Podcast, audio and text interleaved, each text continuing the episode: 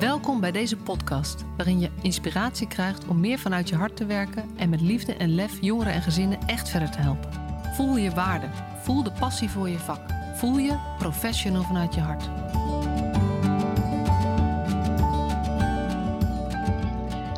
Wat leuk dat je weer luistert. Vandaag een nieuwe aflevering van de Professional vanuit je hart podcast. En vandaag mag ik weer in gesprek met iemand um, die ik al een aantal keer gesproken heb, een heel aantal keer gesproken heb. Heb ik één of twee keer eh, live gezien, niet, niet vaker. Uh, maar zij is uh, voor mij wel iemand die nou ja, onze mooie jeugdzorgsector van ontzettend veel verschillende kanten kent. En daar ook diepzinnige dingen over kan zeggen. Dus welkom Marlene van Steensel.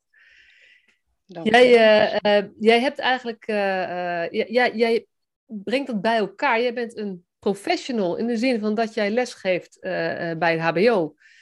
Je vat het net een beetje samen, zo'n beetje op alles op het gebied van jeugdzorg. Ehm, en jij hebt zelf ook ervaring als kind in de jeugdzorg. en dat neem je natuurlijk mee in je werk. Maar je bent ook oprichter van de stichting Before You Too. En dat is gewoon een van de belangrijkste dingen ehm, nou ja, waar je de afgelopen jaren ook heel veel tijd mee bezig bent geweest. Wat nu ja, echt een hele mooie, eh, eh, mooie basis heeft om eh, verder te groeien. En de aanleiding voor mij om te zeggen, ja, nu wordt het echt tijd om die podcast op te nemen, is ehm, het rapport De Winter, wat in 2019 uitgekomen is. Jeugdhulp onvoldoende beschermd. Um, we gaan er zo van alles over vertellen en uitsplitsen. Maar wat mij verbaast is dat ik nog steeds trainingen geef in de jeugdzorg en dat mensen het rapport niet kennen. Nou, ik verbaas me erover jij maakt je er, uh, je verbaast je er ook over, maar je maakt je er ook boos over, over hoe een aantal dingen gaan. Uh, en ook heel verdrietig uh, word je ervan. Dus laten we daarover eens van gedachten wisselen. Um, maar voordat we nou ja, daarin gaan duiken, ben jij een professional vanuit je hart? ik vind het een mooie vraag. Ja, ik werk vanuit mijn hart, waar dan ook dus je, vanuit je professie doe je dat maar gewoon. In alle contacten uh, speelt mijn hart natuurlijk uh, mee in wat ik doe, in wat ik ken, in wat ik bedenk, in wat ik lees, uh, in alles. Um, ja, en dat lesgeven, hè, dat, wat ik doe, ja, dat is dat doe ik heel erg graag. Waarom? Omdat ik heel veel mensen ontmoet die in de jeugdzorg werken. En ik uh, ook op de HBO natuurlijk allerlei ja, literatuur mag lezen die daar allemaal mee te maken hebben. En waarbij je dus de praktijk en de wetenschap en de theorie en alles met elkaar kan uh, vermengen. En uh, ja, daar ben, ik, daar ben ik heel dankbaar om en daar ben ik ook heel erg blij mee. En ook met al die mensen die dan bereid zijn ook vanuit de werkkant hun verhaal te delen. En ja, tegelijkertijd ben ik natuurlijk oprichter van Stichting Before You Too. Waarbij we meer vanuit de ervaringskant verhalen verzamelen over mensen die zelf met jeugdzorg te maken hebben gehad. Uh, of met, ja, met jeugdzorg, dus maar één onderdeel ervan natuurlijk. Het gaat om uh, de gebeurtenissen die hebben geleid tot een uithuisplaatsing. De periode dat mensen niet thuis woonden. En ook de periode daarna weer, want het houdt, dat houdt natuurlijk niet op met de ervaring van, oh ja, dan ben je 18 en houdt het op. Ja, dat, dat is natuurlijk uh, onzin. Dus um, ja, dat, dat is wat ik doe. En Rapport de Winter is daar één onderdeel van. Misschien is het leuk om even iets te vertellen over de aanleiding uh, van uh, de oprichting van uh, Stichting Before You Too. ik was in 2011 schoolleider op een basisschool. en dat vond ik ontzettend leuk.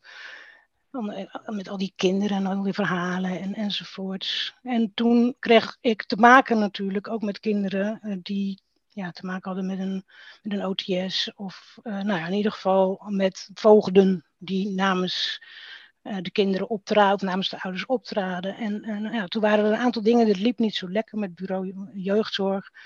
En toen was ik daar op gesprek en uh, hebben we een mooi gesprek gehad. En toen vroeg ik aan die mevrouw, de voogd, van... Goh, is er nou veel veranderd in 40 jaar tijd? En toen zei ze, oh, waarom, waarom vraag je dat? Zei, nou, 40 jaar geleden was ik zelf pleegkind. En uh, ik ben benieuwd. En nou, zij sprak mij de legendarische woorden: uh, pleegkinderen worden geen directeur van een basisschool. Oké, zei ik. maar, op een of andere manier ben ik deze mevrouw wel heel erg dankbaar. Want het was voor mij de trigger om te gaan kijken welke ja, zo van er worden 40.000 mensen wonen niet thuis per jaar. Uh, wat gebeurt er met al die mensen? Waar blijven al die mensen? Nou, dat was schrikken, want dan kreeg ik allemaal rapporten natuurlijk voor je kiezen van het Centraal Planbureau van uh, 60 tot 70 procent blijft zorgafhankelijk, maar 30 procent dus niet. Nou, en ik ben gaan zoeken bij die 30 procent. Wat worden mensen? Wat doen mensen? Hoe verwerken ze dat uh, verleden? Welke thema's blijven een punt? Nou, en zo zijn we met een aantal mensen toen de tijd, uh, drie dagen de hei op geweest. Vier dagen trouwens om te kijken van hé, hey, wat, heb je, wat heeft de jeugdzorg nou gebracht? Hoe zou het beter kunnen? Welke items zijn voor jou belangrijk? Nou, en daar hebben we allerlei thema's uitgehaald die voor heel veel mensen nog steeds heel belangrijk zijn. Ja. Nou, ja. ja, nou, dat zo, ja. zo is begonnen. zo is ja, begonnen. Dat, je hebt het denk ik wel eens verteld, maar ik wist het niet meer. Dus dank je wel ook daarvoor. En um, ja, je, je zegt hierin ook al zoveel. Hè? Je zegt even tussen neus en lippen door 60 tot 70 procent blijft zorgafhankelijk. Dat vind ik echt een hoog percentage. Dat gaat over jongeren die te maken hebben gehad met jeugdzorg. Maar ja, het is, is, daar zijn ze nu hoger, want dit was uh, deze, de laatste die ik gelezen heb, 2016, 2017.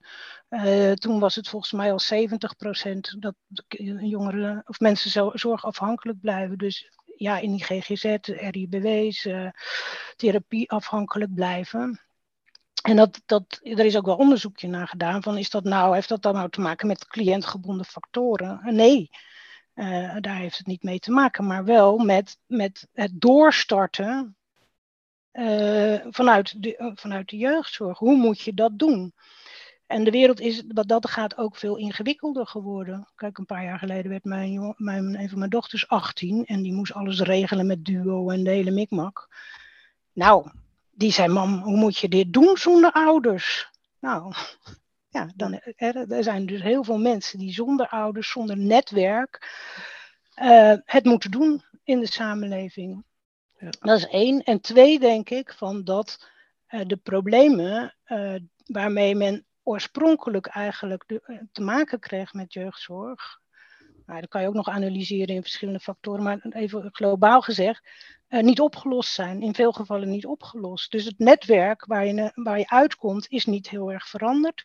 En, het, naar, en, en dat is dan het enige netwerk wat je hebt om weer naartoe te gaan. En mensen hebben, zijn sociale wezens. Mensen willen, moeten contact hebben, anders word je heel erg eenzaam. Nou, en ik denk dat Be4You2 en ook wel andere organisaties zich daar zeg maar een pre, ja, hard voor maakt om contacten onderling uh, ja, te verstevigen en elkaar te helpen daarbij.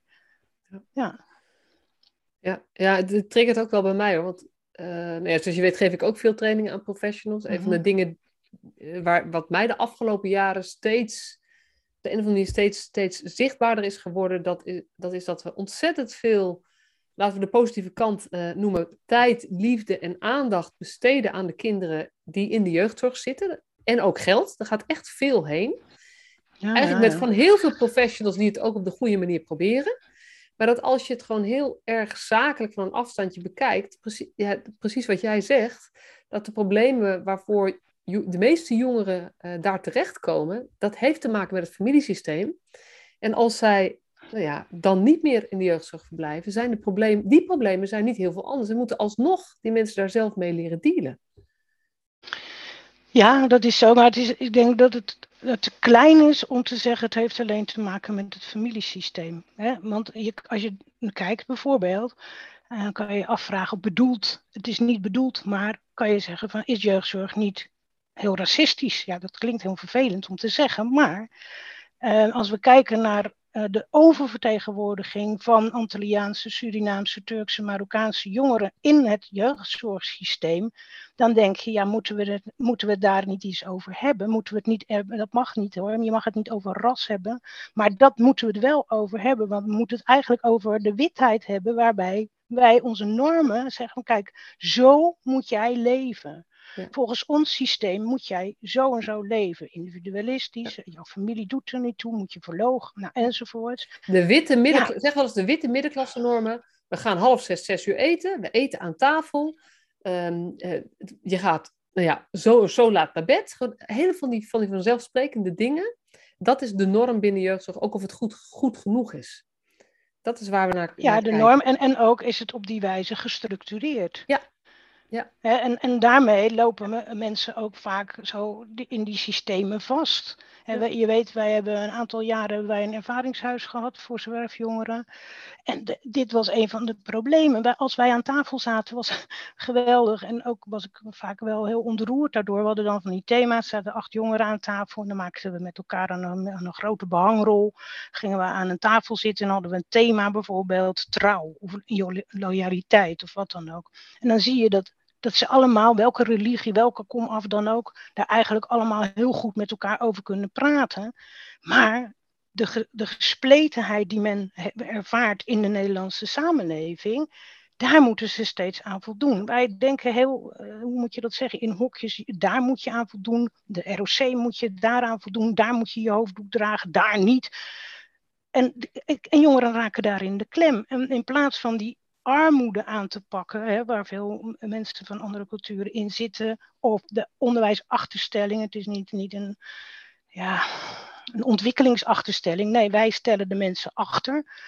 En zolang we daar niet op investeren en zeggen van dit is onze norm, assimileer,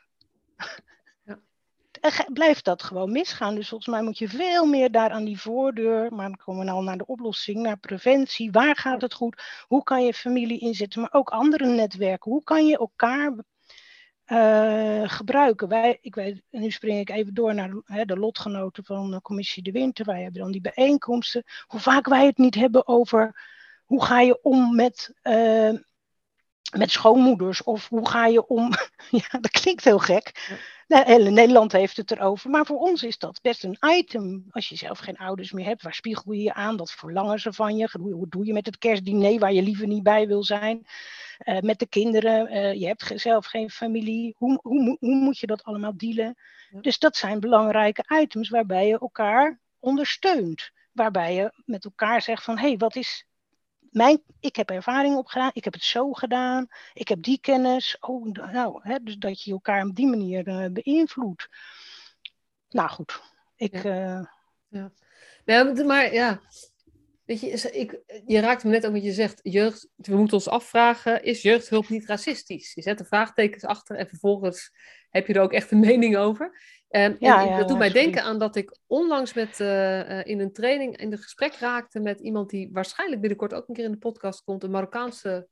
Hij, hij komt uit Marokko, is nu hulpverlener al een aantal jaar in Nederland. En die vertelde mij, naar aanleiding, we zaten nog even na te praten, en die zei: um, Ja, weet je, wij als allochtone hulpverleners hebben het daar onderling wel over.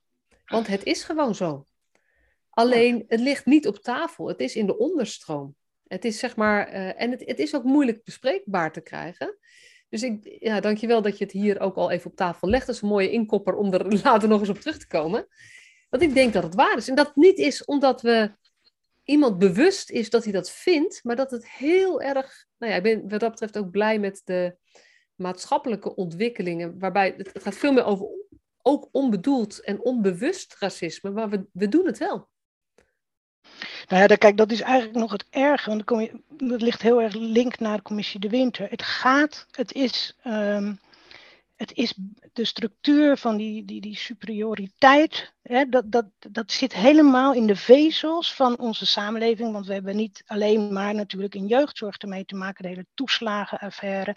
Uh, kijk hoe het is gegaan met de afschaffing van de slavernij. Of we een vrije dag kunnen krijgen, als, of alsjeblieft op 1 juli. Het is allemaal, het moet allemaal uitonderhandeld worden.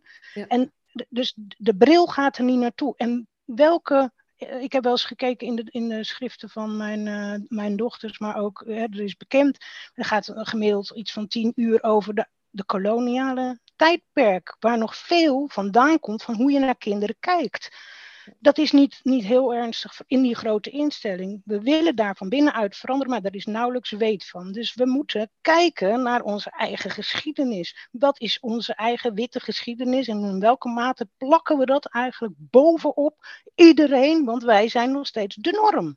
Ja. ja. Nou, en, dat, en als, je, als je niet daarnaar kijkt, ja, dan kan je de ene commissie naar de andere doen, maar het gaat om om te kijken van hoe kunnen we met elkaar verder. Nou, dat betekent ook dat je in de spiegel moet kijken. Ja. Dat is toevallig de podcast waar ik vandaag over heb. Dat cultuurverandering niet gaat door onderzoekscommissies en aanbevelingsrapporten. Uh, maar dat het gaat over gesprekken, zeg maar gesprekken, goede vragen stellen, jezelf aankijken, eerlijk zijn en dan, uh, nou ja, centimeter voor centimeter bijna dingen gaan veranderen. Iets verandert alleen maar door iets anders te gaan doen. En iets anders doen begint heel vaak met anders kijken. En uh, anders kijken begint heel vaak met informatie voor het eerst onder ogen of in je oren krijgen. ja, en, ja, ja, Dat is waar jij natuurlijk ook heel nou, erg veel in doet. Ja. Ja, maar ook wel, nou ja, bedankt voor het compliment. Maar het is natuurlijk ook wat jij doet, is ook met elkaar de, gesprekken hebben. En ook een club van mensen om je heen uh, maken, creëren. En te zeggen van hé, hey, maar wij, wij kijken anders of we willen, we willen in ieder geval. En dat, uh, nog even terug naar Commissie de Winter, is ik, wat ik vind, is dat we ons eigenlijk veel te weinig zelf onderwijzen. We hebben overal een mening over. Iedereen heeft een jeugdzorgonderwerp, is vogelvrij. Iedereen mag daar wat over roepen. Net zoals over racisme mag ook iedereen wat over roepen. Ook al heb je geen enkele kant, uh, kennis, mag je er toch wat over roepen. Dan gaan we er ook nog naar luisteren. dan gaan we ook nog in het publieke debat uh, onder leiding bijvoorbeeld van, uh, van Jort Kelder, gaan wij zeggen: ja, nee, we zijn tegen Zwarte Piet, voor Zwarte Piet. En dan denk ik: ja, ga nou eerst eens kennis verzamelen. Ga nou eerst eens kijken Hetzelfde in de jeugdzorg. Ga nou eerst eens kijken, waar komt die geschiedenis vandaan? Waarom zorgen wij op deze manier voor deze kinderen? En dan kijk naar de, de, de, hoe heet het ook weer, de zomerkolonie of zo. Hè? De, de kinderen met die bleekneusjes, die moesten dan eten, discipline en, enzovoort. waren vooral kinderen uit arme wijken. Maar ja. waarom wij vonden, je moet het zus en zo doen. Ja. De zendelingendrang. Ja. Nou, en zo, dat zie je ook natuurlijk in de hele jeugdzorg. Want en dat is echt wel een pijnpunt bij mij. Ik denk van ja, er zijn zoveel mensen, zoveel ervaring, zoveel kennis. Maar het lukt niet om daarin eigenlijk collectieve kennis, uh, archief op te bouwen. dus de mensen die worden ervaringsdeskundigen en moeten dan eerst een training doen. Die moeten eerst leren praten zoals de professional dat wil horen. Ja, daar ben ik, eh, dat vind ik echt, echt verschrikkelijk. Dat vind ik een van de Dat vind ik echt proberen de, de donkere mens ook wit te maken. Dat klinkt heel vervelend wat ik nu zeg. Maar om een beetje die vergelijking te hebben. Laat mensen gewoon voelen wat ze voelen. En natuurlijk hebben we mensen nodig die dat uh, verzamelen en zeggen: hé, hey, iedereen die in de jeugdzorg heeft of gewoond heeft of wat dan ook, die, die meldt dit. Laten we daar iets aan doen. En dan verzamel je die kennis als collectief. Maar nu worden losse ervaringsdeskundigen, jongere mensen, worden weer ergens aan een tafel gezet. Mogen ze weer het verhaal, het N1-verhaal, wat we al lang, sorry met, alle respect, maar wat we ook al lang kennen. Oh, het is nog niet veranderd. Nou, we gaan weer allemaal verwonderen met elkaar. Oh, erg. En ik vind ook dat je de jongeren daarin mis, nou ja, laat ik die titel uitspreken, maar te alleen maakt want we weten allemaal, we hebben verschillende mensen bij ervaren jaren die ook allemaal op een paard gezeten hebben van hé, hey, ik ben in deze tijd de ervaringsdeskundige. Ik maak wat los, ik doe het goede werk. En dan nu wel ouder worden en kritisch worden en niet meer gevraagd worden. En als je dan als enige hebt, ik ben ervaringsdeskundige en die kennis is niet ergens gearchiveerd, ja, dat is jammer. Dat is erg jammer. Dat lekt. Ja. Maar dat heeft natuurlijk ook te maken met dat de waarde van ervaringskennis nog altijd niet op gelijke hoogte staat met die van professionele kennis. Zeg maar, die, die... Ja, dat is, dat, is, dat is wel ernstig natuurlijk. Dat je gewoon de mensen eigenlijk geen gelegenheid biedt om bij elkaar te zijn. Dat je eigenlijk de mensen, dat het niet verzameld wordt. Ik vind dat de, en de academici hier ook wel echt iets, een steekje laten vallen. Ja. we, hebben, we, hebben een goede contact hoor, met verschillende mensen, met uh, de Erasmus Universiteit, met Annemiek Harder, met uh, Saskia Keuzekamp van Movisie. Dus er wordt van alle kanten wel meegedacht en verzameld. Maar voor elk iets, uh, ja, moeten wij wel heel erg strijden om, de, om die academische wereld wakker te maken. En zeggen van, hé, hey, maar ga nou eens luisteren naar die verschillende generaties. Ga nou eens luisteren naar en la laten we daar kennis van maken. Want even, uh, weet je, ik, ik uh, ken jij natuurlijk iets langer. Jij bent uh, van een iets andere generatie. Je bent 61, vertelde je net. Word ik, word ik, word ik. Oeh, pijnlijk. Nou ja, weet je. Ja, ja, zeker pijnlijk. je wordt 61. En um, dat valt mij ook wel op als je kijkt in de media, de ervaringsdeskundigen die gevraagd worden hun verhaal te vertellen. En zeker als het nu gaat over jeugdzorg, zijn veelal de mensen die kort geleden met jeugdzorg te maken hebben gehad. En dat is een van de dingen waar jij, eh, nou, samen met een aantal anderen, je ook wel nou ja, boos maakt of zoiets hebt van ja, maar weet je, hiermee vertellen we niet het hele verhaal. Want je hebt een verhaal als, het, als je nog in de jeugdzorg zit, je hebt een verhaal als je er net uitkomt, maar je hebt het verhaal is nog steeds als jij 40 bent, ook als je 60 bent en waarschijnlijk ook als je 80 bent. En het gaat eigenlijk om ehm, dat ook dat hele leven, um, die, die geschiedenis is gewoon deel van jou. En hoe zorgen we dat we dat de hele geschiedenis ook meenemen uh, of zoiets? Nou ja, je, dat, ja, dat klopt wat je zegt. Kijk, het begint natuurlijk al eerder. Je wordt, ergens, je wordt geboren en je treft iets aan, je ouders. En daar uh, ja, is, soms aanleiding om te zeggen van nou, ik ben hier niet veilig, ik moet hier weg. Hè. In het geval van mezelf, mijn, vader, mijn moeder overleed heel jong, mijn vader had een oorlogstrauma. En daar ga je natuurlijk, je maakt als kind daarin dingen mee. Het was voor mij heel fijn om niet meer thuis te wonen. En ik ben ook heel blij in, uh, geweest in het pleeggezin waar ik heb gewoond. Heb ik het gewoon hartstikke goed gehad. Uh, en daar ben ik ook heel erg blij mee. En dat heeft een enorme basis gegeven. En dat was uh, die pleegmoeder die, die af en toe eens voor mijn vader opkwam en die zei van ja joh, uh, die mensen die naar Indonesië werden gestuurd, hè, die, uh, die mannen, die hebben het ook niet makkelijk gehad. Want hè, nou, zij, wij wisten natuurlijk al lang als kinderen wat daar eventueel gebeurd was. Want we maakten zijn nachtmerries en zijn, zijn, zijn wanhoop mee. Maar het heeft nog hoe lang niet moeten duren voordat dat erkend wordt, zowel voor de mensen die daar gewoond hebben, geweest zijn, als voor de kinderen. En dat, dat deel, dat wordt nauwelijks belicht in de hele jeugdzorg niet. Het is alsof mensen daar komen, want er is kindermishandeling en ze moeten gered worden. En oh, die drama's. Sorry dat ik het zo noem, maar dat heb je dan als je 61 bent. In plaats van te kijken van, hé, hey, wat is er dan in het gezin? Wat is er nodig? Kijk, wat is er nodig? En een van, ik had laatst contact met een, moeder, wiens kinderen ook uit huis zijn. Eigenlijk heb ik, wat ik nodig heb gehad, was iemand die mij hielp. Letterlijk, want de draaglast was te groot. Ik kon niet en werken en boodschappen doen en het kind van school halen. En uh, me verdiepen in ADHD en met autisme. Ik kon het niet. Het was te veel. En in plaats van die helpende handen te bieden, hebben we dan het oordeel van de mensen die er zijn, een hele onveilige situatie, bla bla bla. Ja, maar natuurlijk, het is bijna één op één. Ja. Dus ja, ik zou daar wel fijn vinden. Maar goed, waar, wat, wat, wat, dus, ja, nou ja, oh ja die... de, dat zeg maar, eh, nou ja, laten we even gewoon ervaringen van mensen voor wie het langer geleden is, dat dat ook in het publieke gesprek uh, meer aandacht zou moeten krijgen mogen krijgen, moeten krijgen. Omdat dat uiteindelijk de, de lange termijn gevolgen bijna zijn van het nou ja, niet opgroeien bij je gezin. Om wat voor reden dan ook, met de geschiedenis die daar dan uh, bij hangt. Uh, en ook losgesneden zijn van de, nou ja, de voorbeelden van het gewone leven. Um, uh, wat je dus, nou ja, wat je zegt, omgaan met je schoonmoeder, waar je ook geen voorbeeld van hebt gezien. Nee, ik, nou... Bijvoorbeeld. ik heb wel heel veel moederfiguren gehad natuurlijk. Ik dacht er gisteren aan met moederdag. Dat, dan zie je al die posten uh, langskomen over moeders. En dan denk je, ja... Ja, nou, ik heb wel heel, wel heel wat ervaringen met pleegmoeders, stiefmoeders, eigen moeder. En moederfiguren, moeder, mensen die moeder wilden zijn, die ik geen moeder wilde, enzovoort. Het, het, het, het gaat natuurlijk om uh, dat, dat fenomeen. Maar het, is, het gaat niet over vroeger, het gaat ook over nu. Het gaat erom over hoe ga je daar nu, hoe kijk je daar nu naartoe en hoe, kijk je, hoe ben je daarmee omgegaan? Wat geef je door aan je kinderen? Wat vertel je erover? Hoe zorg je dat, het een, een, een dat je het gebruikt voor anderen? Hoe krijgt het zin?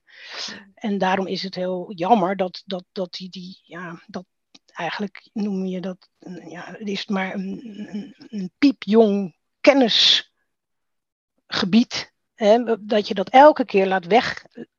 Ja. En dan elke keer weer nieuwe jongeren die net ja, een verhaal en gaan krijgen, in plaats van dat, je... Ja.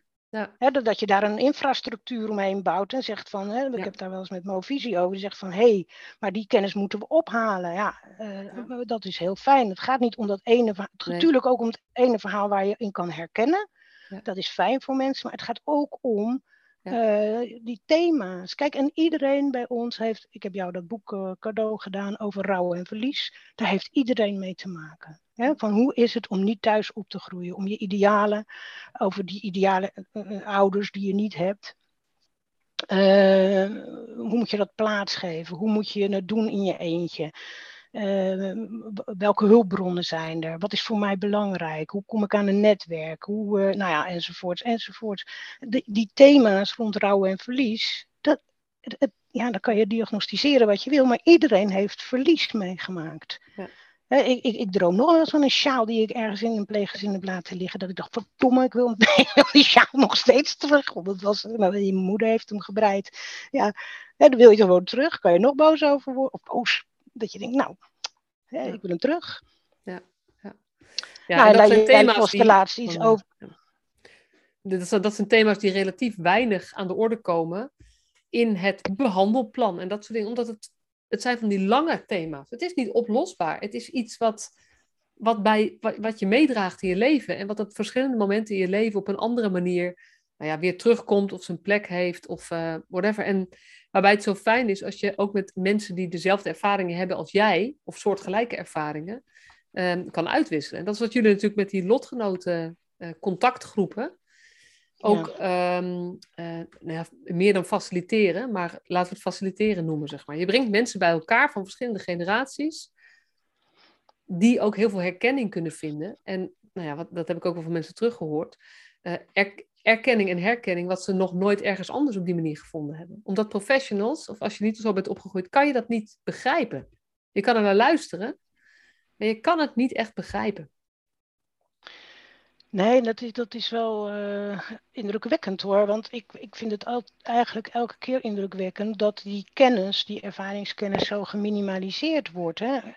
En, uh, en ik denk dat dat een soort de code is. Want uh, mensen vinden het heel erg fijn om met elkaar te praten. En hoe vaak je niet in het begin hoort van, oh, ik hoop niet dat jullie het gek vinden wat ik nu ga zeggen. Maar, en dan ja, wordt er vaak heel veel gelachen, omdat wij dat je, dat je denkt, oh, ja, maar dat hebben we allemaal. dus um, bijvoorbeeld een bepaalde taalgevoeligheid. Uh, dat vind, hulpverleners verklaren dat heel anders. Van, oh, je wantrouwt mij, je gelooft het niet. Wat, hoezo moet je dat nalezen? Hè? Dat, dat, dat, is wantrouwen. Terwijl bij uh, in die groepen komt dat heel anders tot uitdrukking, die taalgevoeligheid. Omdat mensen zeggen, maar ik wil het goed begrijpen wat je zegt. Ja, ik wil het niet verkeerd doen. Ik wil, bedoel je dat dan precies? Of waar kan ik dat lezen? dus dat is een, een, een, honger naar kennis, naar doe ik het goed, naar, en, enzovoort, die je op meerdere manieren kan, kan duiden. En in plaats van te denken, oh, iemand is dus heel achterdochtig, kan je ook zeggen van, hé, hey, iemand wil het goed doen, wil het goede doen. In plaats van zeggen, iemand is uh, eh, 15 keer weggelopen van huis, kan je ook zeggen, iemand is 15 keer gevlucht voordat we ingrepen, had dat niet anders gekund dus het, gaat om taal, het gaat om frame. Nou, en ik denk dat we daar samen met Nico Serco, uh, die, die noemde ik al, dat we daar ja, inmiddels best heel erg uh, goed in zijn. En ja, dat daar kracht van uitgaat. Ja, ja dat is ja. echt mooi. Ja. Ja, en even het bruggetje naar het rapport De Winter. Want uh, ja. ik noemde het al eventjes. Ja. Uh, het rapport De Winter is eigenlijk dat is het, het nou, ik weet niet of het het grootste rapport is, maar wel het meest recente, echt grote rapport naar uh, onderzoek naar geweld in de jeugdzorg. We hebben natuurlijk 2012 de commissie Samsom al gehad, naar uh, uh, seksuele geweld, ervaringen daarmee. En volgens mij is de winter daar een vervolg op, maar dat weet ik niet helemaal zeker hoe dat zit. Is misschien niet belangrijk. In ieder geval, als ik het heel erg kort samenvat, zoals ik het vaak doe in trainingen. dit is een heel uitgebreid onderzoek geweest um, naar ervaringen van kinderen die niet thuis zijn opgegroeid, maar in de jeugdzorg. En dan gaat het over pleeggezinnen, gezinshuizen, huizen, allerlei vormen van residentiële zorg. Um, naar hun ervaringen met geweld binnen die uit huis geplaatste setting. En de schrikbarende conclusie is dat 75% van die kinderen te maken heeft gehad met een vorm van geweld buiten, uh, buiten hun eigen gezinssituatie dus. En als ik dat dus vertaal, ehm, in trainingen zeg ik altijd, het is toch gek, we plaatsen kinderen vaak uit huis omdat het thuis niet veilig is. En eerlijk gezegd hebben ze driekwart kans om weer met onveiligheid te maken te krijgen in de uit huis geplaatste situatie. Dus dit is heftig. Ik vind het heel heftig. Er staat natuurlijk nog veel meer in. Uh, welke dingen vind jij nog meer belangrijk om naar voren te brengen? Nou ja, het is wel, het, nou wat jij zegt is natuurlijk heel erg belangrijk, maar tegelijkertijd gaat het ook om, um, ja, je zegt verschillende dingen die belangrijk zijn. Kijk, je moet ook kijken naar de, naar de, naar de veiligheidsstructuur eigenlijk. Hè? Dus kinderen worden uit huis geplaatst omdat ze thuis niet veilig zijn. Maar die, die, dat hele systeem van Veilig Thuis, die daar gaat kijken en beslist en enzovoorts, dat, dat is tot aan de voordeur van de instelling waar je woont. Jij kan niet meer bellen als je eh, in de instelling zelf woont van hey, ik word mishandeld. Er is geen kindertelefoon die jou komt helpen, niemand. Dan moet je in de bureaucratie van het AMK en de inspectie en enzovoort, moet je klachten doen tegen mensen AK, het AKJ. Het AKJ, eh, niet AMK, het AKJ. Ja, nee, ja. Sorry, ik stoei altijd met hun. Ja. Maar bedankt. dus dat, dat veilig thuis, dat moet dan geboden worden, maar vervolgens worden die kinderrechten en die structuren die opgebouwd zijn in onze samenleving om dat kind in veiligheid te houden, weggedaan zodra dat kind in de jeugdzorg terechtkomt. Nou, dat is een vreemde. Dus dat, hè, die aandacht daarvoor vind ik heel erg belangrijk. En dan gaat het ook wel, vind ik belangrijk, over uh, ja, over de samenstelling. Hoe kan het zo zijn dat dit jaar in, jaar uit heeft plaatsgevonden? En het, dan kan je zeggen, ja, het zijn een paar rotte appels, maar het heeft stelselmatig kunnen gebeuren. dus, en, en dan gemiddeld genomen hebben mensen zeven jaar, zeven jaar, Masja, in zo'n geweldssituatie verkeerd. Voordat er ingegrepen werd. En waarom werd er ingegrepen? Omdat het kind weggaat. Niet omdat mensen hebben gezegd, jongens, wat zijn we aan het doen? Dit kind, wat jullie nu doen, dat kan gewoon niet. Jullie gebruiken overmatig, want het gaat over overmatig geweld. Hè? Dat gaat nog niet eens over in een bepaalde tijd was het gewoon normaal om een tik voor je billen te krijgen en een klap voor je oren of andersom. Maar dit gaat over buitensporig geweld. Dus ook in de tijd van de pedagogiek van toen, buitensporig geweld. En kinderen konden nergens naartoe. Konden gewoon nergens naartoe. En dat dat impact heeft, dat weten we natuurlijk. Maar dan verwacht je eigenlijk dat iedereen zegt, en nou is het afgelopen. Hè, zowel in de instellingen, maar ook voor de mensen die dat hebben meegemaakt, dat er passende hulpverlening is. Nou, Marcia, het is gewoon niet zo. Er is niks. Behalve in het alternatieve circuit, maar dan moeten ze dat zelf gaan betalen. Ja. Nou, bizar. Bizar. Ja. En dan het laatste wat, het punt wat ik wil maken, sorry, is dat mensen in dat systeem, ja, als je de rapporten leest, heeft Micha de Winter eh, ook onderzoek gedaan naar bijvoorbeeld in de archieven. Dat er instellingen zijn die gewoon stelselmatig hebben geweigerd daaraan mee te werken, die hun archieven niet beschikbaar wilden stellen. Ook inspectie heeft geweigerd. Dus er komt een opdracht van de overheid. Inspectie hoort daaronder en inspectie zegt wij houden onze archieven dicht. En de overheid vindt dat goed. Dus ja, daar gebeurt iets wat ook in de jeugdzorg gebeurt nu, is de dicht, hè, de, de naar binnen gekeerdheid. En tegelijkertijd zeggen, ja jongens, nu moet het afgelopen zijn. En dan krijg je al die aanbevelingen die allemaal een andere kant op dwaaien. En nu, om naar de actualiteit te gaan, heeft niemand meer overzicht wie wat waar aan het doen is. En de relatie met het rapport is helemaal verdwenen. Ja. want ik ken mensen, professionals, ook van professionals vanuit je hart, die zeggen, ja, ik zat aan de arbeidstafel, maar ik weet niet precies wat dit met de commissie De Winter te maken heeft. Ja, dan doe je lotgenoten wel, dat, je, dat is erg jammer voor het geloof van, uh, hè, dat je denkt, hé, hey, er wordt echt iets aan gedaan. Ja, weet je, het is nog iets meer, meer Het is dus een onderzoek geweest tussen uh, 1945 tot en met 2019, of tot 2019. Ik weet niet of ja. het jaar er wel of niet bij hoort. Ja, klopt. En um, voor de mensen die nog nooit van gehoord hebben, het is dus niet zo dat al dat geweld plaatsgevonden heeft in de vorige eeuw. Maar dit gaat ook echt nee, over, nee, nee, over recente informatie. Dus dat is echt belangrijk om te weten. Ja, ja, ja. En, nou ja, dat was...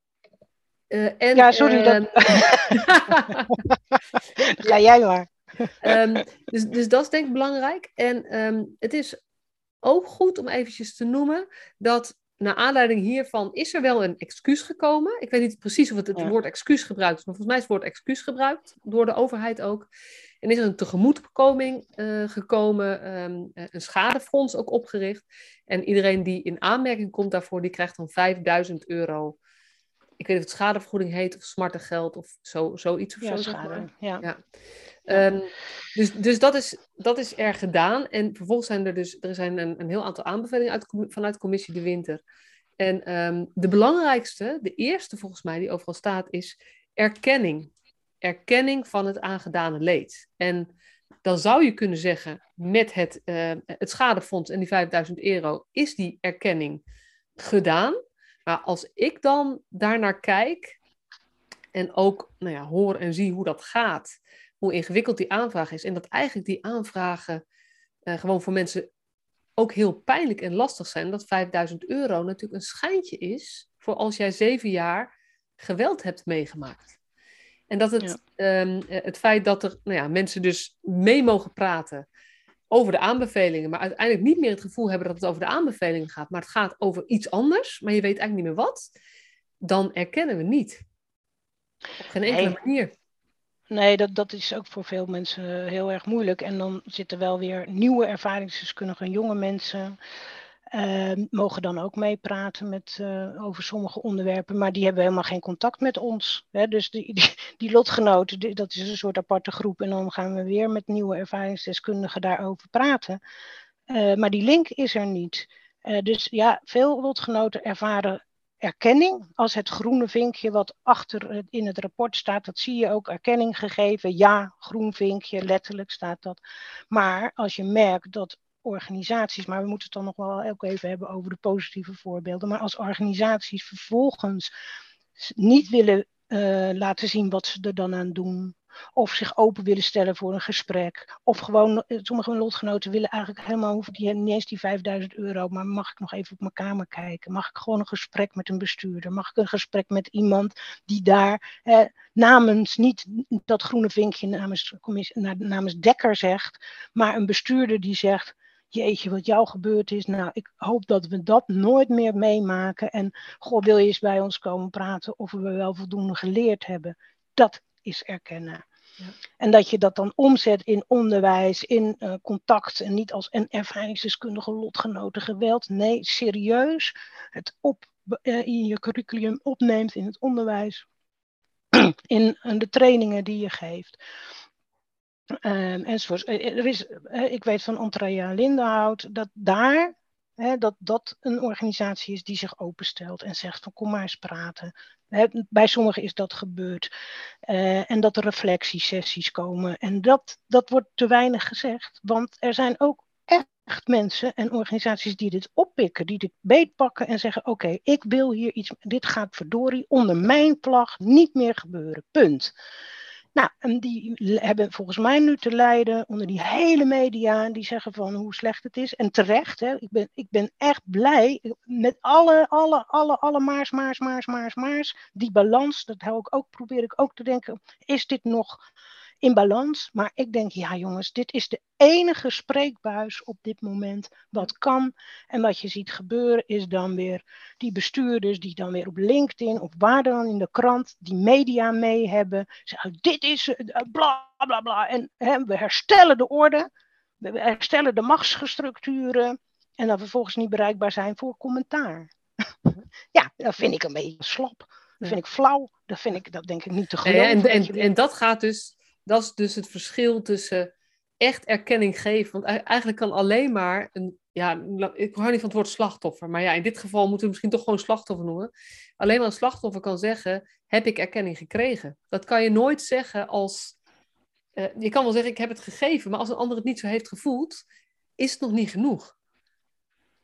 Denk ik. En natuurlijk is het, weet je, er zijn uitzonderingen, mensen die dat nooit genoeg zullen vinden. Maar ik denk dat nu collectief. Uh, ik, ik schaam me soms ook voor de reactie die er komt vanuit de formele kanalen. Uh, ook op de, de documentaires die er nu op televisie zijn, die, die inderdaad een eenzijdig, een eendimensionaal zou ik meer willen zeggen. Het is niet zozeer eenzijdig, maar een eendimensionaal beeld laten zien van alles wat slecht is. Maar ik schaam me een beetje voor als uit, uit de sector de reactie komt. Um, eh, ja, maar het is ook belangrijk om te kijken naar wat wel goed gaat. Want dan denk je, daar gaan we dus mis. We zullen natuurlijk, er gaan ook dingen goed. Er gaan zelfs best wel veel dingen goed. Maar, maar als het misgaat, daar moeten we met elkaar over hebben van leren en erkennen dat we het niet goed gedaan hebben. Ja, maar dat is, dit is bijna een, uh, de, de, on, de onschuldreactie. We bedoelen het goed, dat is ook zo, maar dat neemt niet weg. Ja. Uh, ja, ik wil bijna teruggaan naar Indonesië. Dat hebben we ook vast heel goed bedoeld. Maar daarmee uh, kan je niet de mensen daar en ja, slachtoffer, ontslachtofferen. Het, het is daar gebeurd. Het geweld is gebeurd. Het racisme is gebeurd. De slavernij is gebeurd. Uh, en dit geweld is ook gebeurd. En het gebeurt nog steeds. En dat is natuurlijk vanaf 2019 mag je, kan je je wel melden, maar heb je niks in te brengen. Of laat ik mijn zin herstellen. Uh, sorry, uh, wordt de klacht niet in uh, ontvankelijk uh, verklaard vanaf 2019. Dus eigenlijk, de kinderen die dat nu meemaken, ja, waar gaan die dan heen? Eigenlijk moet het natuurlijk toch gewoon iets zijn waarvan je direct zegt van oké, als dit gegrond is, nou oké, hup, ja. met je 5000 euro, dan wordt het gevoeld. Ja. Maar nu, er is namens die instellingen excuus gemaakt, maar niet rechtstreeks. Er is er zijn natuurlijk in het begin wel gesprekken geweest met de sector, maar ja, uh, het, het, is geen afhandeling. We hebben ook uh, in, in, in de aanbevelingen is door de branche toegezegd dat we er 100.000 euro zouden krijgen voor uh, lotgenotencontact. Uh, dat is verzameld. Hè? Dus er zijn in, in, een aantal organisaties die hebben gezegd van ja, we hebben hier mee te maken gehad. Dus wij storten een bepaald bedrag, zeg 15.000 of 5.000 euro, zodat lotgenoten elkaar kunnen vinden. Dat geld is door Jeugdzorg Nederland in de verkeerde organisatie uh, belegd. Ja, dat is een lang verhaal, maar dit, is gewoon, zijn gewoon de feiten. Dat erkennen ze ook. En die 100.000 euro is dus weg.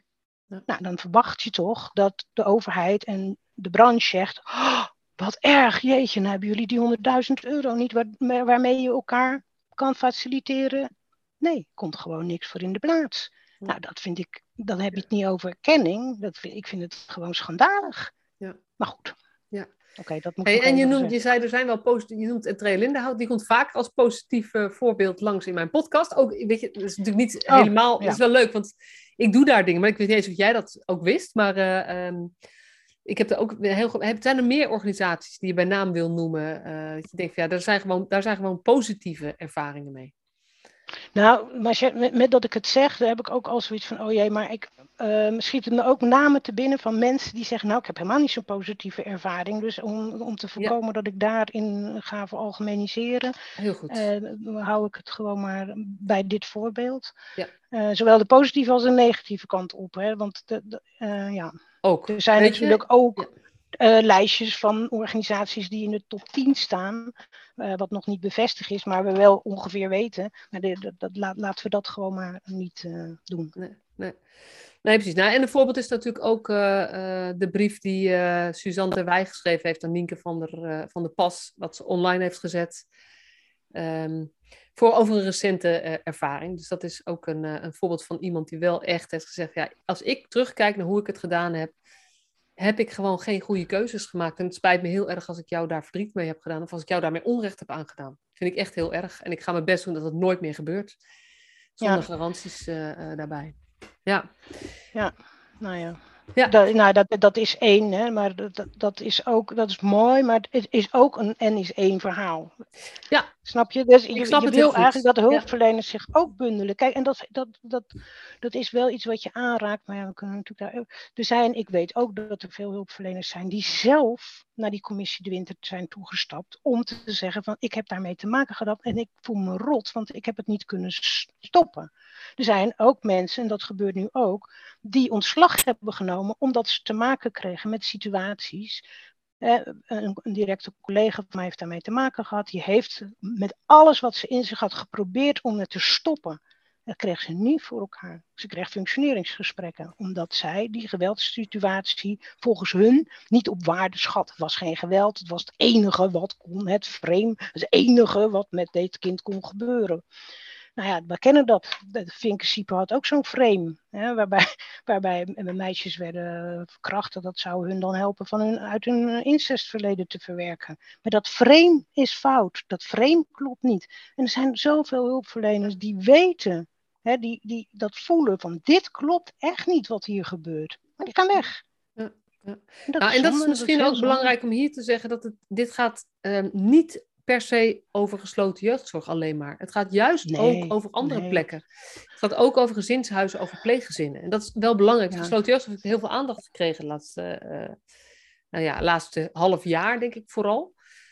Um, maar dit gaat ook over andere plekken. En het gaat ook over de, nou ja, de kinderrechten. Um, uh, en ja, de dat het ook een universele verklaring is, maar in ieder geval een kinderrechtenverdrag heeft Nederland ondertekend.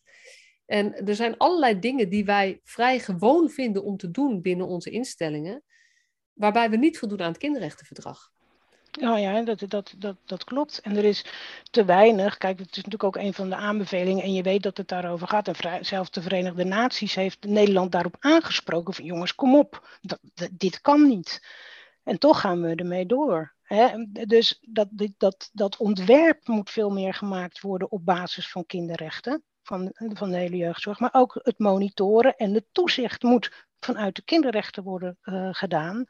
En dan gaat het, natuurlijk ook, uh, gaat het natuurlijk ook over de sociale kinderrechten. Die zouden volgens mij leidend moeten zijn. Hè? Die zijn dan niet afdwingbaar. Maar in de jeugdzorg mag je toch verwachten dat dat eigenlijk uh, een soort afdwingbaar wordt. Om te zeggen van nee, hè, de kinderen krijgen, ook deze kinderen hebben recht op onderwijs. We geloven het niet, maar deze kinderen hebben recht op onderwijs. We hebben lang geleden Bivoer toe onderzoekje gedaan. Onder, ik meen toen 35 mensen. Die allemaal een te laag advies krijgen. Ga maar naar praktijkschool. Want jij moet geld, je moet gauw geld verdienen zodat je voor jezelf. En dan hebben ze HAVO-advies gekregen. En wat krijg je dan? Schooluitval. Want je verveelt je dood natuurlijk. Nou ja, dus over, dat gaat dan over onderwijsachterstelling. Niet ontwikkelingsachterstand, maar onderwijsachterstelling. Ja, ja, en daar komen ook dingen bij elkaar. Hè? Want daar, daar kan een, als je een kleur hebt, heb je een extra nadeel daarin. Ja, dus, ja, ja. dus, dit is ook weer het thema dat je natuurlijk eerder uh, noemde. Ja, ja. Ja, zeker, zeker, zeker. Ja. dus nou ja, goed. Uh, en rapport de winter, ja joh, er is zoveel wat dat er gaat om, uh, om te kunnen vertellen. Ik, ik vind het schadefonds houdt het goed bij. We hebben goed contact ook met het schadefonds. En wij proberen toch voor elkaar te krijgen, niet om een, een, een, een, herhaling van commissie de Wind te doen, maar hij heeft natuurlijk een beperkte onderzoeksgroep gehad. 650 mensen geloof ik. Dus literatuuronderzoek gedaan. Maar nu hebben 10.000 mensen zich gemeld. Kijk, wat je natuurlijk niet wil, om dat nog even te benadrukken, is de data van die mensen gebruiken om nog iets aan te tonen. Dat, dat is onethisch. Dat, dat is ook helemaal niet de bedoeling. Maar wel wat je kan doen, is analyse maken over wat voor soort geweld er waar gebruikt is. En dat organisaties ook eens aantonen van hé, hey, wij hebben dit en dat gedaan om dat terug te brengen. Dus als er bepaalde organisaties uitkomen van extreem geweld of nou ja, extreem geweld, psychisch geweld bijvoorbeeld, dan mogen die organisaties best, dan mag dat best openbaar worden en zeggen van oké, en wat hebben jullie dan gedaan? Oké, inspectie of weet ik veel, iets anders. We houden controle daarop. Ja, ja ik denk sowieso dat, um, dat er, als er meer openbaarheid zou zijn, überhaupt meer, meer gebruik zou zijn of meer geaccepteerd zou zijn om ook met elkaar te praten over, hé, hey, we hebben fouten gemaakt of dit is waar we niet trots op zijn, hoe we dat nu oplossen. En op een bepaalde manier iets meer kwetsbaarheid vanuit de sector zelf, denk ik dat, dat we al een heel goede start zouden hebben. Want dan wordt het ook anders op het moment dat je het ziet gebeuren, dan komt het in het bespreekbare uh, onderwerp terecht. En pas als het bespreekbaar is, kun je er ook wat aan doen, volgens mij. Terwijl heel veel dingen nu nog zo ja.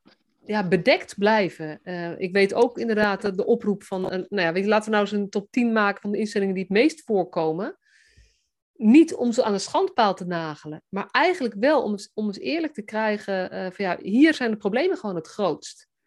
Dus wat kunnen we doen dat deze organisaties heel snel verbeteren? En, en hoe komt het dat daar de problemen het grootst zijn? Misschien heeft het wel met te maken met of um, de samenstelling van de doelgroep of, of met de omstandigheden. Weet je, weet, nu weten we het niet, want we weten niet waar het over gaat. Hmm. En meer openbaarheid, niet zozeer de schandpaal, maar wel ehm, ja, gewoon feiten op tafel mogen leggen. Ja, ehm, nou, dat denk ik. Maar ik denk wel, kijk, ik geef om nog even daarop terug te komen. Kijk, ik geef natuurlijk al, ik weet niet hoe lang, misschien al twintig jaar, ik weet het niet, les aan allerlei verschillende opleidingen die te maken hebben met jeugdzorg. En ik zie natuurlijk ook wel eens langskomen dat ik denk, jeetje, hoe bestaat het? Maar aan de, over het algemeen genomen zie je hele gepassioneerde mensen die echt het goede willen doen en ook soms overtuigd zijn dat ze het goede doen. En, en, en dat verschil, hè, dus aan de ene kant hebben we, om zo te zeggen, hebben we de, het lijkt wel alsof we de pedagogiek hebben van de normale kinderen, wat die overigens allemaal in de minderheid zijn. Die groep wordt steeds kleiner, hè, het normale kind. Nou, oké. En de pedagogiek gaat niet op voor die kinderen die in de jeugdzorg zitten. Dus we zeggen, we doen daar iets heel geks. We doen daar gewoon iets heel geks. Want dat zou niet kunnen. Dat zou niet mogelijk zijn. Die doelgroep is zo moeilijk. Nou, ik, ik betwijfel dat. En dus we moeten het veel meer hebben. En ik denk, hè, want uh, nog even die stap te maken, er wordt ook veel gezegd over geweld jegens jeugdhulpverleners. Dat kan natuurlijk volstrekt niet. Maar tegelijkertijd, um, ik wil niet goed praten, hè, maar tegelijkertijd gaat het ook om dat mensen soms regels uitvoeren die zo volstrekt oneerlijk zijn naar de mensen waar het over gaat. En om nog even de vergelijking te trekken met Indonesië, die zijn ook op een gegeven moment opgestaan en gezegd, nou is het genoeg Nederland, jullie hebben genoeg van ons geprofiteerd, hè, om even dat te zeggen. Wij staan op. En ja, dan kan je natuurlijk een hele tentoonstelling maken over het geweld of daar allemaal over praten. Dat is ook goed dat dat gebeurt, want het gaat om de geweldsstructuren, om de relaties, om de machtsstructuren. Maar het begint echt bij de overheid die en het onderwijs en de bestuurders, die zorgen dat er een soort bewustheid komt over waar komt dat nou vandaan, die machtsstructuren. Waarom doen we dat überhaupt? Waarom rekenen we niet af op geslaagde, hè, waarom zoveel geld, terwijl er maar 30% uit, uit de zorg blijft? Kom aan. Ja, ik, ik, denk wel eens, als we in plaats van op, um, nu is natuurlijk die hele uh, uh, verantwoordingssystematiek gaat over behaalde doelen. Als we dat nou eens op cliënttevredenheid zouden doen, bij wijze van spreken. Wat zou er dan gebeuren? Dan zouden we denk ik andere organisaties krijgen. En um, dan kun, dan kunnen we het natuurlijk in detail over hebben. Hoe moet je dat dan meten? En weet je, natuurlijk zijn er altijd... Dat klopt. Maar het is wel een totaal andere instelling. Ja, organisaties moeten laten zien dat de cliënten vooruitgang boeken. Of organisaties moeten hun best doen dat cliënten een goede ervaring hebben met de, de, hulp die ze hebben. Want ik geloof dat je eigenlijk pas kunt groeien als je je ook prettig voelt in een, nou ja, in, een ondersteunende of hulpverleningsrelatie, begeleidersrelatie. Dus dat, het begint eigenlijk bij een goede ervaring. En dan pas kun je ook je ontwikkelen of groeien als dat al nodig mocht zijn. Ja, een tijdje geleden is er hè, door de ben even de, de, de, term kwijt. Maar goed, Quality for Children. Hè, hebben we, eh, zijn er eisen gesteld. Die zegt van oké, ehm, dat zijn maatstaven. Dat is, komt vanuit de ervaringskennis zelf. Nou, en hoe kan je daar nou over in gesprek blijven? Hoe kan je nou zeggen van hé, hey, uh, hoe kan de controle daarop zijn? Ja. Dus dat zijn, eh, kijk, dat, dat, dat bestaat eigenlijk allemaal al het bestaat eigenlijk. Het is waar, die Q4C-vragenlijst, daar herinner ik me gewoon al van 15 jaar geleden volgens mij of zo, dat ik daar iets mee gedaan heb. En als ik nu kijk naar hoe ook instellingen zich moeten verantwoorden richting gemeente bijvoorbeeld. Het gaat helemaal niet alleen over instellingen, het gaat over het hele systeem en stelsel en overheden en samenhang. Dan gaat het over de, de, de doelrealisatie en de gasscores. Ja, wat ga je doen? Gewoon suffe doelen stellen, zodat je veel mogelijk tweetjes kunt scoren, want dan zit je goed. Maar dit is, nou ja. Nee, dit is heel wat anders. Kijk, toen ik zelf uh, schoolleider was, dan kreeg je natuurlijk ook inspectie op bezoek, te, pas en te onpas. Ja. En dan moest je laten zien. En um, kijk, we hebben het wel eens met meerdere organisaties over gehad. Van, er zou iets moeten zijn waarbij je onafhankelijk, dus niet vanuit de overheid, maar wetenschap, eh, pedagogiek, ervaringsdeskundigen, um, ook ongeaangekondigd in een instelling komt en zegt van jongens, we komen eens even praten. Hoe zit het eigenlijk? Ja. Ja. dus dat je, je moet het op een of andere manier, uh, moet, ik zei het laatst nog bij een landelijk overleg van die pedagogen, die pedagogen moeten die jeugdzorg in. Die haken af aan het begin. Maar die horen, die horen midden in dat veld te staan. Ja, Nou ja, dit- dus, ja, er is zo echt, ik zit ook zelf te denken, er is echt zoveel over te zeggen. Ehm, dus stel nou dat mensen naar aanleiding hiervan denken, eh hey, maar eigenlijk weet ik hier best wel weinig van en ze willen er meer van weten. Dus eerst maar eens even wat, wat, wat mensen die meer willen weten. Waar kunnen ze dan het beste zijn, vind jij? Oeh, dat is een vraag waar ik niet... Bij ons natuurlijk. Bij jullie, kijk. Ja, ik kom graag wat vertellen over. Ja? eh, natuurlijk, ja, nee, natuurlijk. Dat vind Ja. ik hartstikke leuk. Kijk, en dat wou ik nog toevoegen, want kijk, ehm, ik heb in die lessen die ik geef, gaat het soms gaat het ook over kinderrechten. Nou, daar, daar mag echt wel meer les over gegeven worden. Hoe vertaal ik dat naar de werkvloer? Mag meer les over gegeven worden. Maar ook, wat is de geschiedenis van de jeugdzorg? Hoe zit het in elkaar? Als je soms daarin, hè, ik, eh, ik heb vroeger, ik vond het altijd leuk hoor, geschiedenis. Dus ik heb wel eens onderzoek gedaan naar eh, verstandelijk beperkte, hoe dat begonnen is in al die instellingen voor eh, de broeders en de zusters van liefde, word je ook niet heel erg blij Maar als je daarover vertelt, dan gaat het leven voor mensen. En die zeggen van, oh, en dus nu zitten we hier in de tijd. Dus dan is er best wel heel wat gebeurd tussen dat alle tanden er bij voorbaat uitgetrokken worden, werden tegen het bijten. En nu. M- Zelfs zijn er instellingen die zeggen van jongens, deze kinderen moeten ook elke half jaar naar de tandarts. Dus daar zit een hele ontwikkeling in. Maar het kennen van je geschiedenis en niet alleen het frame van, van de hulpverleners, van, het, van de kinderen die geholpen moeten worden, maar in het totaliteit, dat, dat heeft gewoon ja, heel veel aandacht nodig. En daarbij gaat het niet om de schuldvraag, maar om de vraag: hoe kunnen we de, de onschuld voorbij, zou iemand het noemen? Hè, hoe kunnen we een stap verder maken? Dus, Dus, ze moeten, ze ja, moeten bij jou zijn, bij jullie zijn. Als, eh, maar als ze iets zouden willen lezen, heb je dan een tip? Of heb je dan, of denk je, lees Nou ja, gewoon het van de winter? Of lees Ja, de- de aanbevelingen?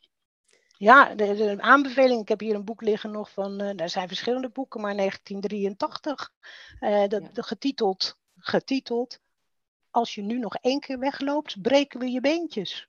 Ja. gaat over rijksinrichtingen, jongens. eh, hè, die daar in de rijksinrichtingen zaten. Er zijn zoveel documentatie is er eigenlijk, maar nogmaals, Masja, het is Ja. eh, niet verzameld. Er zijn geen verzamelde werken. En als ik nou ergens nog zin in heb, hè, als ik bij, ik ben 61, bijna, dan is het daarin. Ja. Ja. Om dat bij elkaar te brengen. Hè, Ja. Om die, die verzamel, en dat gaat, niet, het gaat gewoon over wat is er, wat hebben we verzameld, hoe moet je dat duiden, hoe, moet je het, hè, hoe kan je het nog meer duiden.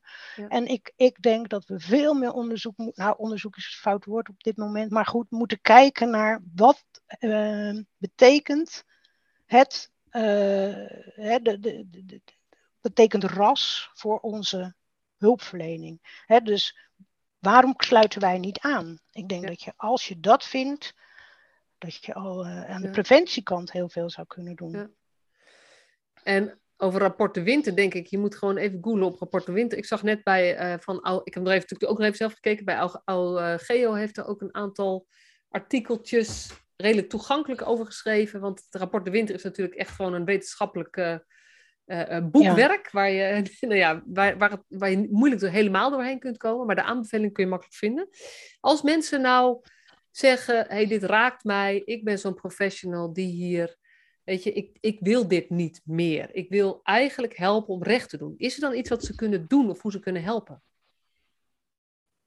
Je, bedoelt, je bedoelt eh, rechtstreeks. Ja, maar ja, misschien. Of bij jullie. Of, of waar, weet je, dan vraag ik het je zowel als oprichter. Ik praat gewoon even door, kan je even nadenken. Zowel als eh, ervaringsdeskundige, als als eh, opleider, als als ehm, eh, oprichter van Before You 2 Ervaren Jaren. Nou ja, kijk, Matja, kijk ik, ik- wat ik heel graag zou willen is een aantal mensen bij elkaar hebben. En misschien moet je dat als een uitnodiging zien aan jezelf ook. om te kijken hoe kan je dat met elkaar gaan mengen. Hoe kan je die kennis hè, die wij hebben opgedaan vanuit die ervaringskennis, de professie, de wetenschap met elkaar mengen. En tot een aanbod komen naar de jeugdzorgprofessional van nu. dat je zegt van oké, en dan kan je rechtstreeks helpen door dit en dat te doen. Dan ben je geen vreemde eend in de bijt. Of hele kleine dingen. Wat mij, wat mij soms. Nou, is de, de, de, het gevoel van machteloosheid van de jeugdzorgmedewerkers. En het gevoel van dat zij vogelvrij zijn. En ik denk ook dat dat zo is. dus daar zit een enorme kramp. Als ik het niet zo doe of niet volgens die regels doe, dan gaat het mis met mijzelf. Dan is mijn rechtspositie uh, niet veilig. En dat is, dat, is, dat is afgrijzelijk. Zo kan je niet werken.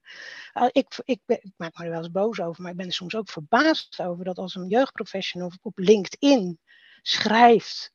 Ik heb een kaartje gestuurd vanaf mijn vakantieadres en ze was zo blij. En iemand krijgt 9, 90 likes of weet ik veel, misschien wel soms duizend. Dan, dan zit ik verbaasd achter mijn ding. Dat ik denk, wat is er zo speciaal? Ja. Wat is er nu zo speciaal aan? Ja. Nou, en blijkbaar is het heel speciaal. Ja. ja. En dat is wel hoe ver we weg zijn van het normale omgang met mensen. Ja. dat, dat kinderen zich gezien weten. Ja. En die weten toch ook gewoon heel veel van, hè, van rapporten van de, de die buiten de lijntjes kleurden, dat rapport. En we weten uh, ook dat, dat, dat hulpverleners heel veel buiten de lijntjes kleuren en heel veel contacten onderhouden en heel veel doen wat het goede is. Alleen durven ze er niet voor uit te komen. Ja. Of als mensen die erop aanspreken, gaan ze weg. Ja. ja dat, het is doorgeslagen in die rigiditeit van hoe moet je met elkaar omgaan. Dus uh, om antwoord te geven op je vraag, denk ik dat daar, nee, dat daar nog een eh, wereld te winnen is. Ja, dat is een wereld te winnen.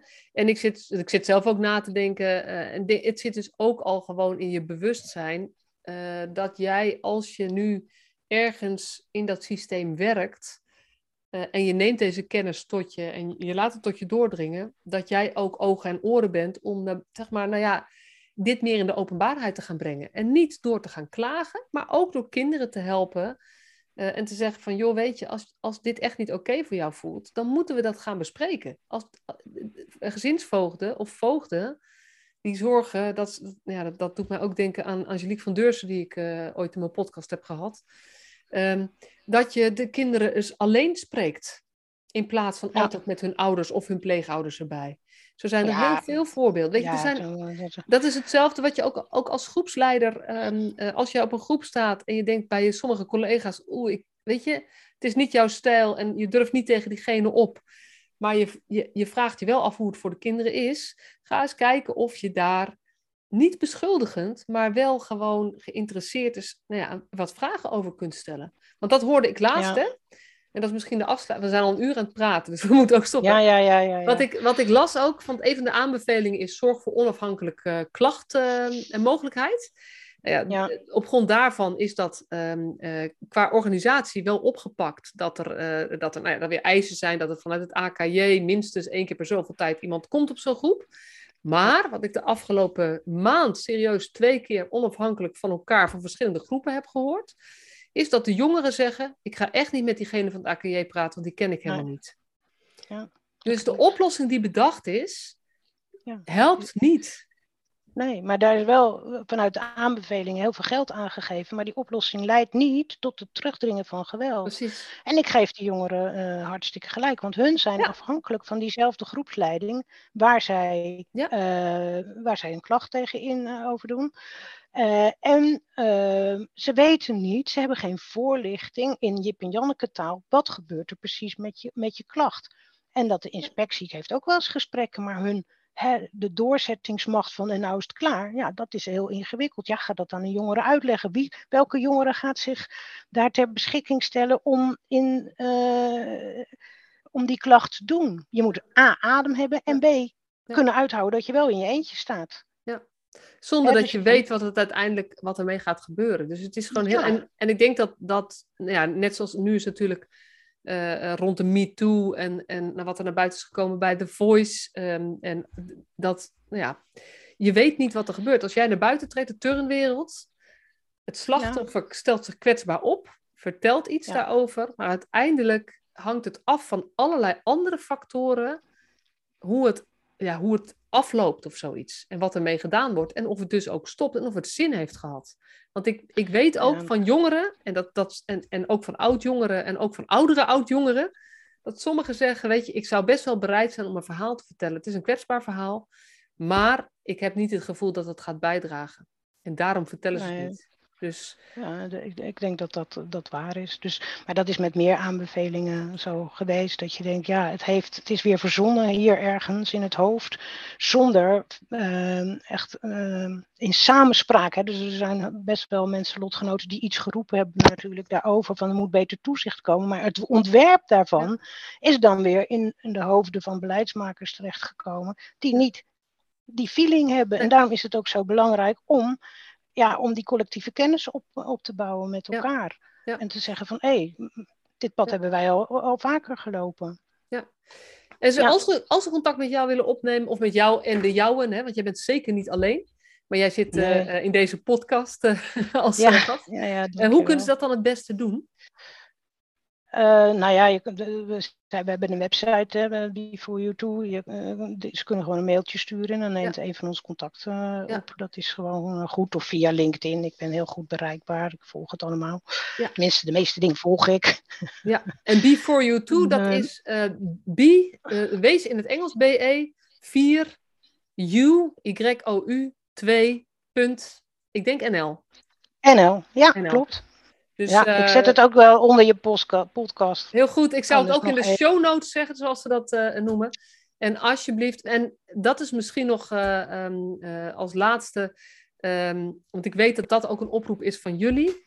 Als jij nou jongeren kent die te maken hebben gehad met jeugdzorg, en dat is voor 2019 geweest, um, en ga eens met ze praten en ga kijken of ze eventueel in aanmerking kunnen komen voor dat schadefonds.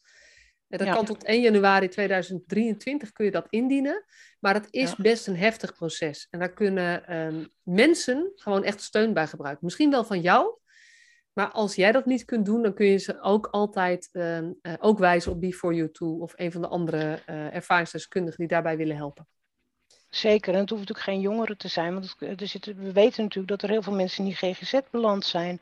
Uh, hè, uh, en die die uitkeer, of die, uh, die, schadevergoeding ook niet hebben gevraagd. Of omdat soms hulpverleners zeggen, van, doe dat maar niet, dat rakelt dingen op.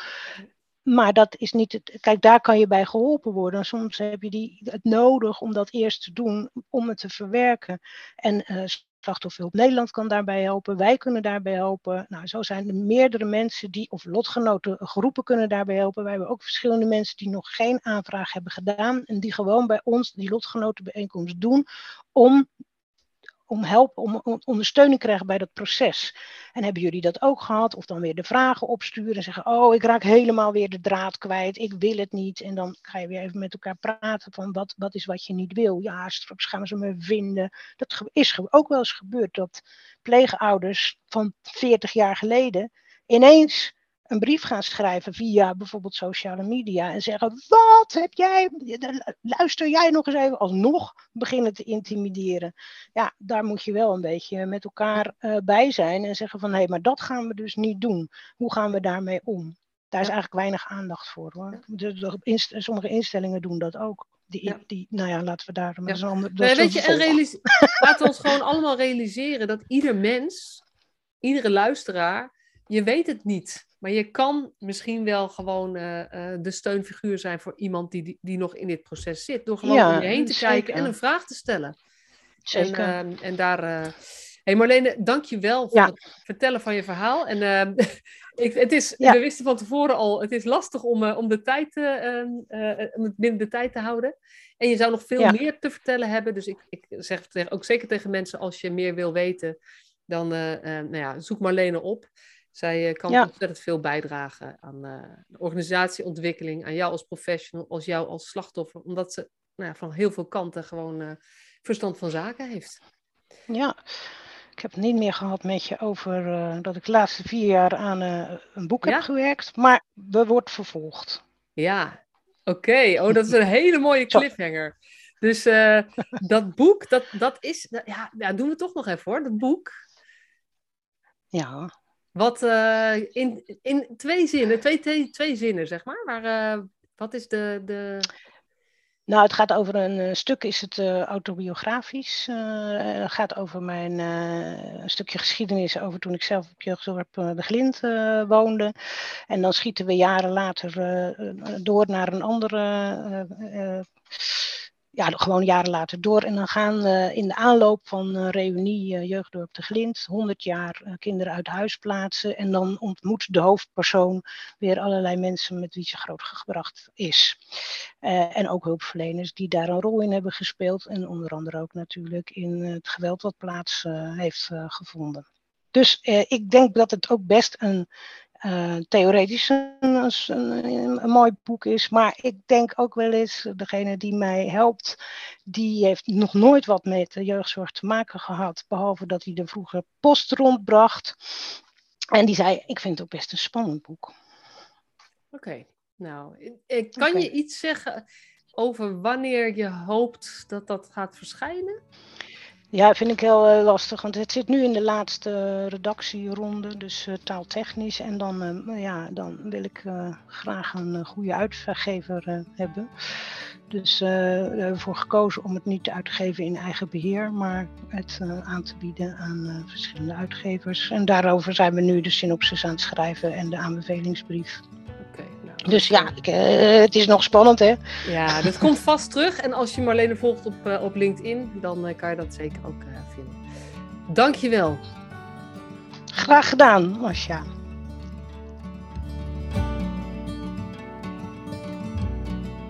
Superleuk dat je weer luisterde naar deze podcast. Dankjewel. Nog even kort een paar belangrijke dingen. Ten eerste, het is mijn missie dat de jeugdhulp weer een sector wordt waarin bevlogen, liefdevolle professionals jongeren en gezinnen echt verder helpen. Daarom maak ik deze podcast voor jou. Wil jij deel uitmaken van deze beweging van Professional vanuit je hart, waarin professionals elkaar steeds opnieuw inspireren? Begin dan met het lezen van mijn boek. Je kunt de eerste hoofdstukken helemaal gratis lezen. Ga naar professionalvanuitjehart.nl/slash boek. Ten tweede. Wil je alle podcastafleveringen overzichtelijk onder elkaar? Abonneer je dan op deze podcast. Klik in je podcast-app op de button subscribe of abonneren.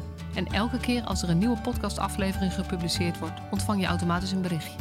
Ten derde, ondersteun je mijn missie? Geef me dan een review via je podcast-app, bijvoorbeeld iTunes of Spotify. Op die manier kan ik nog meer professionals bereiken. En ken je een collega voor wie deze podcast ook interessant is? Dan zou het super zijn als je hem of haar de podcastaflevering doorstuurt. Bijvoorbeeld door de link te kopiëren via Spotify. Ik vind het altijd heel leuk om berichtjes te ontvangen van luisteraars om te horen wat je van een podcast vindt, of als je misschien vragen of suggesties hebt. Of als een aflevering je een bepaald inzicht heeft gegeven of er iets in beweging is gekomen. Stuur me dan even een berichtje op masha.professionalvanuitjehart.nl via de website of stuur me een connectieverzoek op LinkedIn.